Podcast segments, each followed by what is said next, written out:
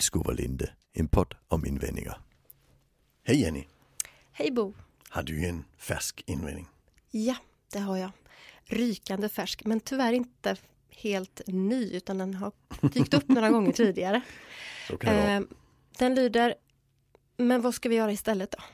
Mm. Och då är det oftast när det gäller hantering av eh, våldsamma situationer eller situationer som skulle kunna bli våldsamma. Mm. Så hanteringen av, av människor som hamnar i affekt eller kaos. Där man då går in och gör en, en fysisk intervention, alltså en Ja. fasthållning eller Ja. Ehm, avskiljning eller liknande. Ja. Mm. Där man eh, då Bältning i psykiatrin. Där man då ställer frågan, så vad gör vi istället då? Mm. Och sen är det, tycker man diskussionen är klar då? Ja, ja. det, det är ganska spännande, Som- det är egentligen en retorisk fråga. Ja. Tänker de. Ja, faktiskt. Ja. Och så är de inte riktigt beredda på att det finns en hel del personer som gärna vill svara på Nej, jag, jag brukar svara på det. Ja, ja, ja, jag vet ju det. Och, och vad, vad liksom, vad, hur kan ett sånt svar, alltså, Ja, alltså det första det är att folk blir väldigt ställda när man börjar svara. ja, ja, Och det första var, ja men det är massor med, med, med sätt vi kan jobba istället. Alltså, alltså, alltså för, mig, för mig är det ju en helt meningslös fråga. Alltså Mm. för om, om vi liksom, ja vad kan vi ta för exempel?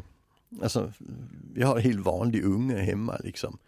Eh, Och sen kryper han upp för att stjäla en, en kaka. Ja. Och sen kommer vi in och sen drar vi honom ner och sen spänner vi fast honom med bälte in i sängen. ja, Och sen säger man, för vad skulle vi annars göra? just det. Och vi har faktiskt den här äh, Lidköpingsärendet i skolan. Mm, Den här elev som en lärare liksom tog tag i och drog upp i en soffa. mm, Och där sa hon också, vad skulle vi göra istället? Mm. Och, och just den situationen, jag har snackat med folk som var där. mm, Uh, och det hade ju funkat att sätta sig och snacka med honom. ja, Alltså det hade också bara funkat att låta honom sitta kvar för han var ju inte i vägen. Det är ju bara något folk har sagt. Men Mm. soffan stod ju inte så man kunde gå runt den. Så, så det hade ju funkat ändå. Mm. Men, men den, den kommer i sådana situationer. mm, Och sen när den kommer i de här tyngre verksamheterna, det är det ju ibland. Alltså Mm. i psykiatrin, jag fick frågan, ja, men om någon håller på att dra ut sig egna ögat. ja, just det. Ja, men, men alltså det, det, jag jobbar faktiskt med den typen av metod för det, det gör du också. Mm, Så, så jag brukar säga, men det finns ju massor med andra sätt än att brotta ner. just det. Alltså, alltså det, det ja, i Studio 3 så skulle vi gå in och göra en Studio 3 intervention, en Mm. walkaround eller något sånt här. Mm, Och, och sen säger man, hur gör man det? Och så kan man ju visa det. mm, Och sen tittar de bara på en som om. Wow, finns det något annat att göra istället? ja, Ja, och hade du liksom inte ställt frågan till dig själv från början retoriskt, Mm. vad skulle jag annars göra?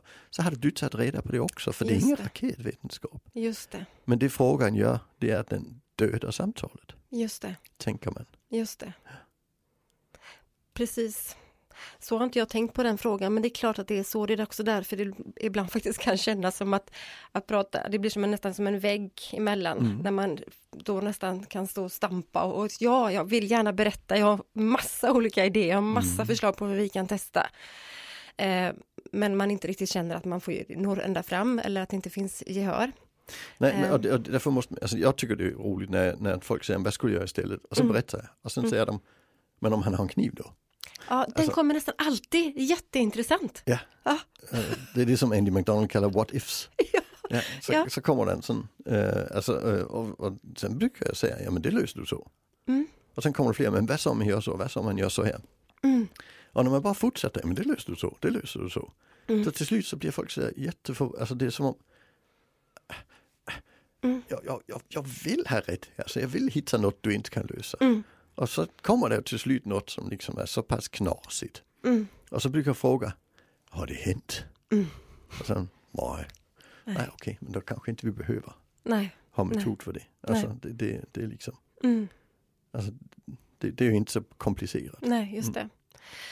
Och jag tänker, både du och jag har ju eh, engagerat oss, inte, inte minst nu när det gäller den här barnrättsbyråns rapport som släpptes förra året. Ja. Eh, och jag kunde inte andas, heter ju den, Barnrättsbyrån och Childhoods rapport om avskiljningar och eh, ja, framförallt avskiljningar kan man väl säga, Ja. på, av barn på SIS, Statens institutionsstyrelse.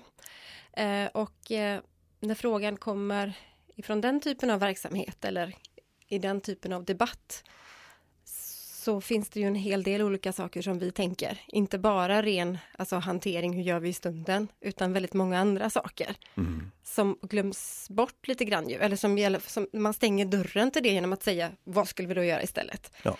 Eftersom det är liksom man behöver titta både på ren hantering och alternativen till hantering, men också allt det där viktiga förebyggande arbetet. Ja, precis. Vad skulle vi gjort innan? Ja, precis. Mm. Och efterarbetet tänker jag, alltså det här med de stora riskerna rent alltså, psy ja, psykiskt för barnen och ungdomarna. Alltså Mm. de traumatiserande riskerna.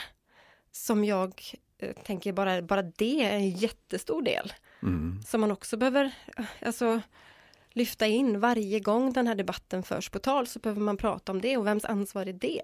Ja, och det borde liksom räcka till att vi säger men eh, vi måste göra något annat.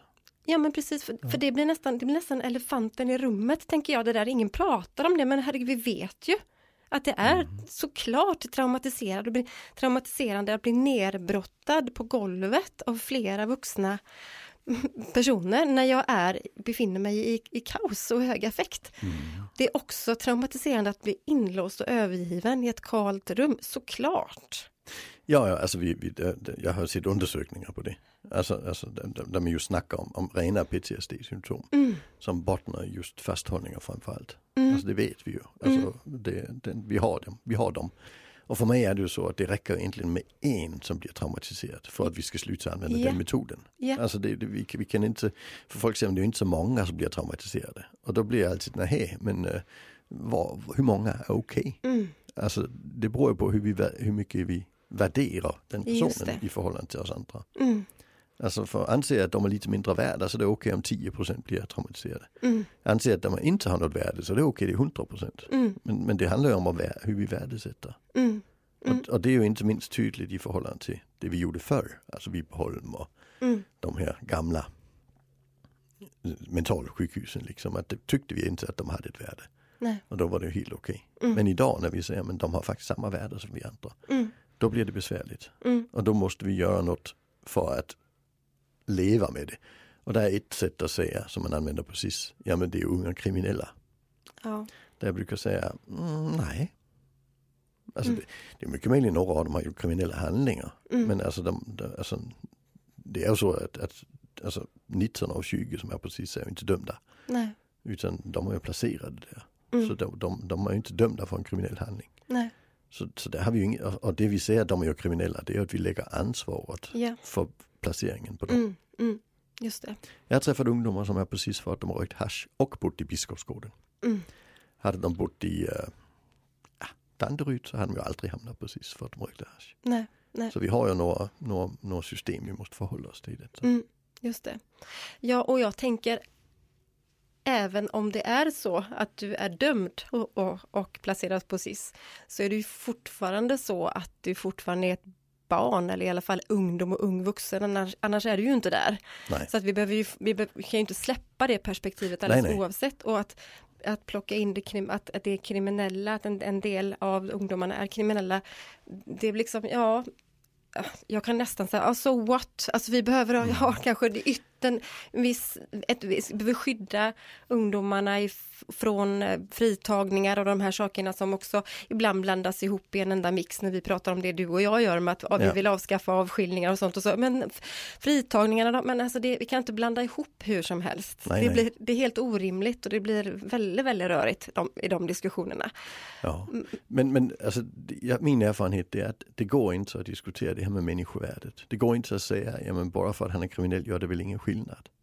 Nej. Alltså det är därför det kommer det här med fritagningarna upp. Det är för det Ja. att de försöker förklara för mig att han har ett mindre värde. ja.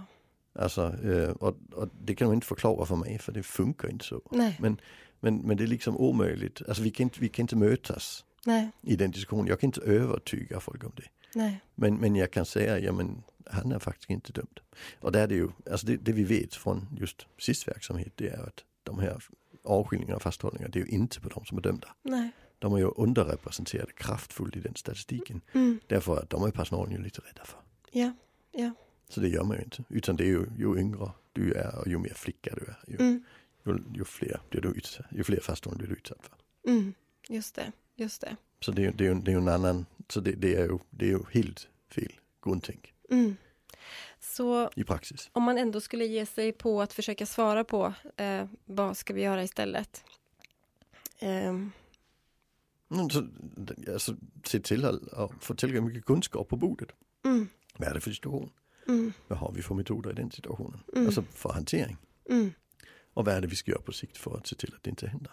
just det. Men vi har metoder, alltså vi har metoder som funkar när folk använder till, tillhyggen. Vi har metoder som funkar för att särskilja barn som slåss. Vi har metoder, alltså fysiska fungerande metoder som inte innebär en fasthållning eller avskiljning. Mm, Även när folk äh, gör alltså, stryptag och vad fan man har sysslar med. Vi har fungerande metoder. mm, Eh, så, så varför inte använda dem? mm, just det. Alltså det, det är inte svårt. Nej. Och du och jag jobbar med Studio 3. Det är ju Mm. den vi tycker är bäst. Ja. Men det finns ju lite andra också som har, som har någorlunda samma grund. Mm, Men i Sverige är det väl Studio 3 som finns är de som har den. Alltså, I psykiatrin har vi Bergenmodellen eller eh, Resi- Resima och vad de heter, termer som också har någorlunda samma grund. mm, Men de förutsätter bältet. Eh, så de har, inte, de har faktiskt inte metoder för det allra svåraste. nej. Eh, för för då, då, fun- där använder man bältet. Och Mm. det, vi har faktiskt metoder för de allra svåraste Just det. situationerna. Just det. Så egentligen så handlar det också om, tänker jag, att alltså på den frågan, vad ska vi göra, vad skulle vi göra istället? Ja, det handlar ju om att man faktiskt först måste man bestämma sig för att man vill göra annorlunda. Ja. Det är ju steg ett. Det måste vara. liksom bestäm dig. Och vill du liksom? Mm. Det är liksom det första. För, för där, och, och så fort man har liksom kommit dit hän, då, då blir många saker väldigt, väldigt, dels naturliga, men också, då börjar vi också bli kreativa. Mm. Eh, därför att det är inte ett alternativ längre. Det är, inte en väg, det är inte en väg att gå. Jag tror både du och jag har jobbat i situationer där ett lås blir borttaget. Mm. För att den inte ska kunna låsa. För då måste vi hitta en bättre metod. Ja, ja men så det, är det. det är väldigt enkelt sätt när man har olagliga inlåsningar. Det är att ta bort låset. Mm. Jag har varit med om att flytta låset så det kom på andra sidan dörren. Det är kul. Jaha. Så personen kan låsa in sig. Låsa, låsa ut personalen. Ja, det är fantastiskt. Det är ju grymt. Ja. Ja. Och, och då måste personalen tänka annorlunda. Mm. Och det, och det är en helt annan. Det, det, då, då börjar det hända saker. Mm. Men om vi accepterar att det finns inget alternativ. Då fastlåser vi oss i en, Mm. en dålig metod. Mm. Ja. Ja. Mm. Mm. Så vad ska vi göra istället? Ja, först och främst bestäm dig. Vart Mm. vill du? Hitta riktningen. Och, och sen och så, för, och så förse sig med både kunskap om pedagogiska alternativ och Ja. eh, olika... Och, och fungerande hanteringsmetod. Ja, ja, Alltså som, som faktiskt inte är farligt för någon. ja, ja. Mm. Det är bra. Tack för det Bo. Ja,